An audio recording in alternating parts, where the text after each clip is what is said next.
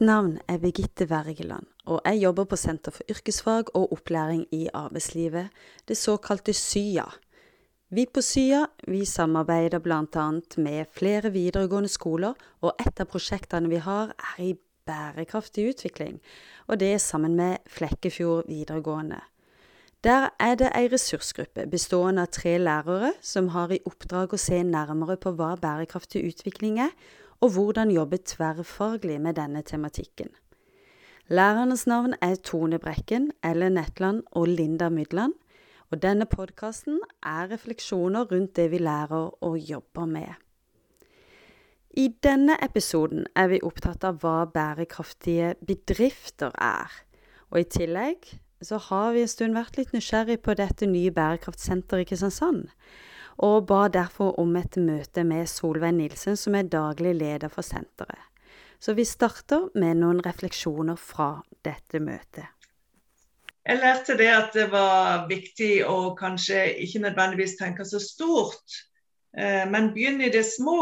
Og når du kjenner at du lykkes med de små tingene, så blir du bare mer og mer inspirert til å jobbe mer og mer med det. Det var, det var, inspirerende å snakke med henne, egentlig. Og de hadde, de hadde just flytta inn i dette senteret og starta opp nå. De hadde bare vært der en måned, hadde de ikke det? Mm. Eh, og var i grunnen i gang med dette her å innrede kontorlandskapet. Hvor det er flere som skal leie seg inn, og de skal prøve å skape et miljø for bærekraft.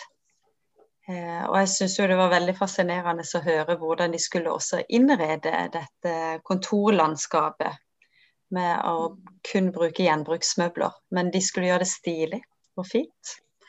Og kunne gjøre det også bærekraftig i forhold til riktig sittehøyde og det ene og det andre. Men i forhold til Ja, Tone? Ja, jeg syns det var veldig spennende å tenke at de ville lage det som et prosjekt, men de ville òg lage det til en De ville på en måte lage en mal på det, sånn at andre også kunne kjøpe ideen. Ikke sant? Det var ikke bare for å vise selv, men det var faktisk for å lære det vekk videre. Det syns jeg var veldig bra. Jeg tenkte at dette kan jo noen lære av. Ja, og gjøre det til en, en, bedrift, altså en forretningsidé. Dette med at det er så utrolig mye utstyr der ute som, som mange bare kaster fordi at en ikke nødvendigvis trenger det eller ikke syns det er fint nok lenger. Um, mm. Og at det kan sånn sett være en ressurs for andre. Ja.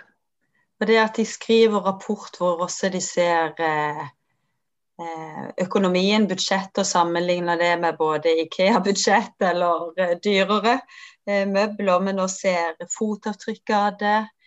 Eh, ser det ser, vurderer også det praktiske. Men det, det kunne jo også vært et interessant prosjekt å ha for skoleelever, sånn sett. Mm. Det var jo just det interessante um, programmet på TV om sløsesjokket, der de så på hvor mye kontormøbler som ble kasta i løpet av det året. Og det er ikke så rent lite. Nei. Det var konteinere fulle. Var det ikke det? Jeg mener jeg så noe reklame for det. Ja, Det får meg egentlig til å tenke litt på i forhold til at vi har jo en veldig sånn bruk og kast-mentalitet på veldig mange ting. Eh, og det er ikke bare kontorutstyr, det er litt sånn i òg. Altså hvor, hvor, mye møbler som er der ute som kanskje kunne vært brukt både til studenter, til å innrede ikke sant, kafé det er jo potensialet til å, å, bruke ting og ikke bruke penger på det.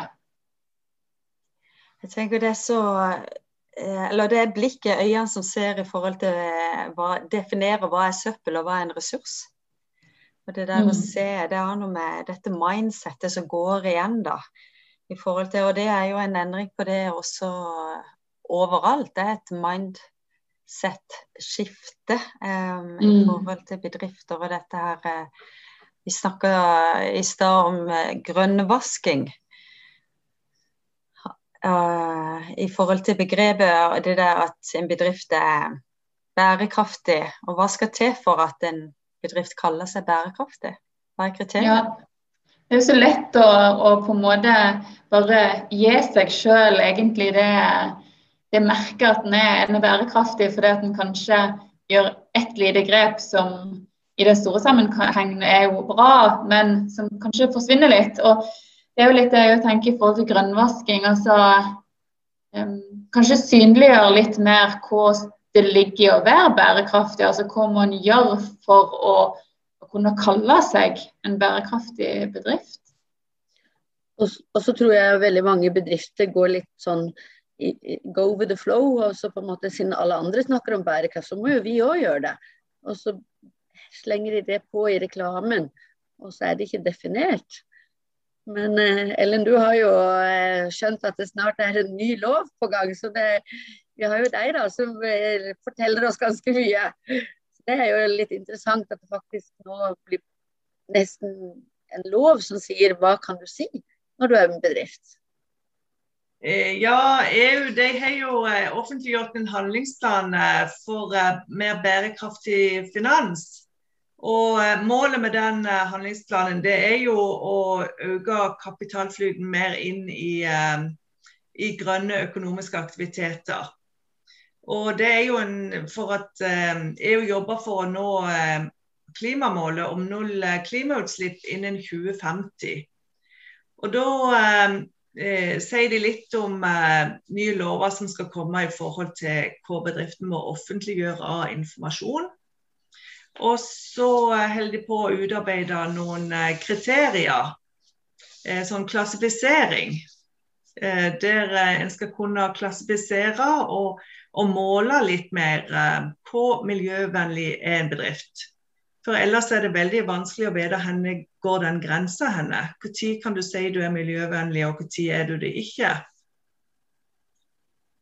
Jeg tenker det, det, er jo bra at det sånn sett blir um, At det er noen krav som stilles. for at nå som kanskje flere og flere ønsker å være bærekraftige og ta et bevisst valg på eh, både produktene kjøper og hva som livsstilen har, så ønsker en jo òg at det som en blir på en måte introduserte, faktisk stemmer. Og at en kan være trygg på at uh, det ligger et bærekraftig uh, profil bak eventuelt produktene en kjøper. Det er, jo, det er, jo, gøy det at det er der pengene ligger nå. Ettersom jeg har forstått så når en skal investere, så er det der det er smart å investere. Um, ja, men, men det, det, er jo liste med kriterier, er det ikke det? på jo, um, de har utforma seks miljømål som de skal lage sånne klassifiseringer på. da. Um, hvis en bedrift skal si at han er bærekraftig, så må han jobbe vesentlig for uh, et av disse her uh, seks målene. Uh, et av målene er å begrense klimaendringer. De må jobbe med klimatilpasning. De må jobbe med å begrense bruk og beskyttelse av vann- og havressurser. De må jobbe med omstilling til en sirkulær økonomi. De må jobbe med å forebygge og bekjempe forurensning. De må jobbe med eh, beskyttelse og gjenoppretting av biologisk mangfold og økosystemer. Så En av de seks målene må de jobbe vesentlig med for å kunne si at de er bærekraftige. Og så kommer den klassifiseringsordninga etter hvert, der det blir det mest definerte er de oppfyller de målet eller ikke. Det blir bra. Vi har jo, ja, vi har jo stor makt som forbrukere, men da er vi jo avhengig av å ha rett informasjon til å kunne ta mm. valgene våre. Og Det er jo ikke alltid vi vet nødvendigvis verdikjeden av det. Eh, og det der det vi snakker om også å få flere begreper, eller hva inneholder begrepet. Eh, Tone, du snakker om det å få definert av hva er det som er bærekraftig eh, ved disse klærne, kanskje, om det er det eller noe annet. Eh, for det er jo umulig for oss forbrukere å vite noe om det jo, En velger jo veldig gjerne det som det rettferdiggjør det å kjøpe en genser når det har et sånn der uh, miljøvennlig symbol, et grønt tre på seg f.eks. Eller dette. Så hvis det er det som er bærekraftig ved den genseren, at det har uh, prislappen er i resirkulert uh, papir f.eks., så, så er det ikke spesielt bærekraftig. Men, men der kommer det vel noen krav etter hvert, vil jeg tro. Det er vel noen prosess. Og så er det, jeg tenker litt sånn som du sier med mindset. Jeg tror kanskje at mye handler om at uh, vi kanskje på et eller annet punkt har mista litt um, oss sjøl på et vis. Uh, hvis vi går tilbake i tid, og det har vi jo snakka om før altså, Sånn som samfunnet var før, så var det jo mye mer bærekraftig. De snakka ikke så mye om det, men, men det var jo, de tok jo noen sånn valg som var veldig lure, og som ja, sikre både seg og sin familie og neste generasjon. vi jeg er nok litt, sånn opp, litt, litt for opptatt av å ha så mye. Mm. Vi lever over evne. Mm. Og så tror jeg at eh, hvis vi får en avklaring på hva er bærekraft, og at eh, forbrukeren, som Ellen snakker om, at de får opplysninger som er korrekt, så kan man ta noen gode valg. Mm. Ut ifra sitt ståsted, eller ifra sin bedrift, eller ifra sin arbeidsplass. Så kan man si at OK, jeg velger å handle, eller jeg velger å bruke den bedriften fordi at de gir tilbake til samfunnet, eller de eh, bruker kun eh, eh lokale bedrifter, og da styrker det eh, økonomien i, i vårt i vår lille by eller bygd. Og det òg kan bety noe i det lange løp, ikke sant. Mm. Innkjøpsavtaler. Mange ting. Ja, Verdi- og leverandørkjeden er jo kjempeviktige. Men jeg tenker vi som er voksne, vi har jo vært igjennom eh, Eller jeg ganske bevisst, forhåpentligvis i hvert fall eh, når vi som jobber med bærekraftig utvikling hver uke, eh, blir jo det i forhold til hvilke valg vi ønsker å ta. Altså hva er det eh, Hvem er jeg i møte med alle dette her, og er jeg villig til å ofre noe? I forhold til om det ja, i forhold til det behovet for å ville ha noe, ikke sant. Og så tenker jeg hvordan kan vi da som lærer, som pedagoger, det var viktig i undervisninga i klasserommet i skolen. For det ene er jo å få kunnskap om hva er bærekraftig utvikling og hva er en bærekraftig bedrift. ikke sant? Og det, det som egentlig kommer fram, er at vi må være litt kritiske. Kritiske og spørrende også hva ligger det i dette. Eh, hva betyr dette? Eh, men det andre er jo også litt det handler om meg sjøl. Det handler om ungdom. Det å bli bevisstgjort de etiske dilemmaene en hele tida står overfor. At mm. det er holdninger og verdier. Eh, etikken rundt det. For det er jo hele tida valg, som du sier. Ja, altså, jeg tror nok også det handler mye om hva som er inn og hva som er ut. Er det holdninger de har? Er det kult å være miljøbevisst, eller er det kult å ha masse penger og sløse de rundt seg? Ja, ikke sant. Og da det, handler det litt om identitet òg. Hvilken mm. leir hører en til? Mm. Eh, er den som tror at det er menneskeskapt, eller ikke er det? Er det ja, hva er kult? Mm. Hvem er det? Jeg tror det er viktig å, viktig å gjøre det litt sånn aktuelt i deres hverdag. Mm. Um, at de selvfølgelig vet hva som ligger i bunnen, altså hva det betyr. Men, men jeg tenker at det er jo det er jo nesten litt sånn meningsløst å lære om bærekraftig utvikling hvis en ikke da tar det i bruk. Mm. Det er viktig å reflektere rundt og snakke om da, i forhold til de valgene. Mm. Men også kan en aktualisere det f.eks. på yrkesfag, i ulike yrkesfag. Det er jo Er det viktig å aktualisere det daglig, eller gjennom prosjekter. Vi har jo snakka om prosjekter, det å lage tverrfaglige prosjekter. Vi kan jo se, sånn som på salgsservice salg, service og reiseliv. Før så var jo mest som eh, eh, sikkerhet et eget fag. Eh, men nå går vi som det mer og mer vekk, fordi at det skal integreres i det daglige. Ja. Så det er jo kanskje sånn det må bli eh, med bærekraft òg. Mm. Men eh, det trengs nok sikkert en periode der en har spesifikt uh, fokus på bærekraft. Men uh, etter hvert så kommer det nok inn. Jeg tenker at det kanskje er lettere sånn som for Tone. Jeg tipper at du kan lett gjøre bærekraft aktuelt i ditt fag hver dag. Ja, og jeg, jeg, har jo med mat å gjøre, og det er jo veldig lett å på en måte synliggjøre at uh, denne maten egentlig koster penger. Og hvis vi da ikke utnytter råvarene, eller hvis vi, hvis vi, hvis vi sløser på, på, rester eller kaster for mye, så, så er det egentlig penger. Så det, det, det, er veldig visuelt og lett å se. Men det tenker jeg kanskje i mange andre nei, yrkesfag som også har materialer. Altså, mine materialer er spiselige, men det finnes jo mange materialer eh, sant, i mange yrkesfag. Og det koster jo penger. Og det er jo, vi er jo opptatt av penger. Det er jo de fleste. Eh, så, så, så, kanskje eh, i yrkesfag hvor vi har eh, materialer eller råvarer som, som er veldig synlige og lett gjenkjennelige i forhold til at det koster penger.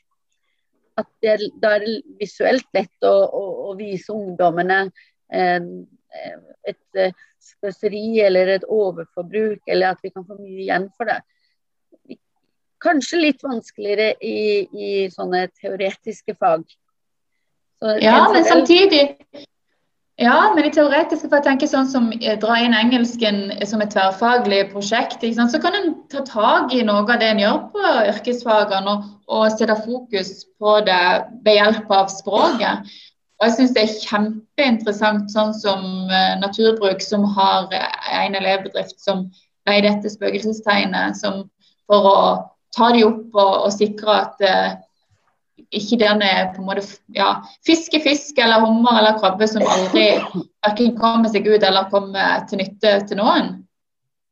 Det er jo utrolig Det er jo en veldig kul og ja, viktig jobb det gjør. Jeg tror Hvis vi spør ungdommene har vi nådd målene, ikke sant? hvis vi er veldig konkret innenfor uh, målene i skolen, så, så, så så får vi utrolig gode svar òg, altså. Eh, sånn at eh, jeg tror det er viktig å ta de på alvor og så spørre har vi nådd det målet. Er vi bærekraftige, eller ikke sant. Mm. Da, da, er de flinke til å svare og jeg er mektig imponert. Vi må ikke, må ikke glemme at de er kloke mennesker. Jeg syns òg det er mange som er veldig kloke. De er masse informasjon og kunnskap, og uh, de uh, reflekterer godt rundt det. Så må jo håpet være at de, de, tar den kunnskapen i bruk i, i, livet sitt. Altså tar det med seg. Ikke bare kunne bruke det i skolesammenheng. Mm. Det er vel da en viser om en har bærekraftskompetanse.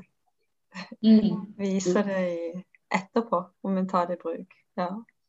Jeg syns det var eh, inspirerende og når vi var på det møtet og snakka med Solveig Nilsen også, hvor hun snakker om det der eh, Når en først begynner med noe, eller f.eks. starter en bedrift som skal være bærekraftig, og så kommer en mer og mer inn i det å ta de riktige valgene og oppleve hvor gøy det er, og at det fungerer, og en får det til å gå rundt. Og jeg tenker det der å klare å skape den begeistringa òg, og få oppleve og erfare det, yes, det går jo faktisk an. Å mm. få ting til. Det er et mulighetsrom der som vi, eh, vi må gå inn i og utforske, rett og slett. Og sammen med elevene. Det er utrolig De ser ting som ikke vi nødvendigvis gjør. Skal vi avslutte der? Ja. Mm. Det var en spennende prat, og bare ved å prate så lærer vi mye.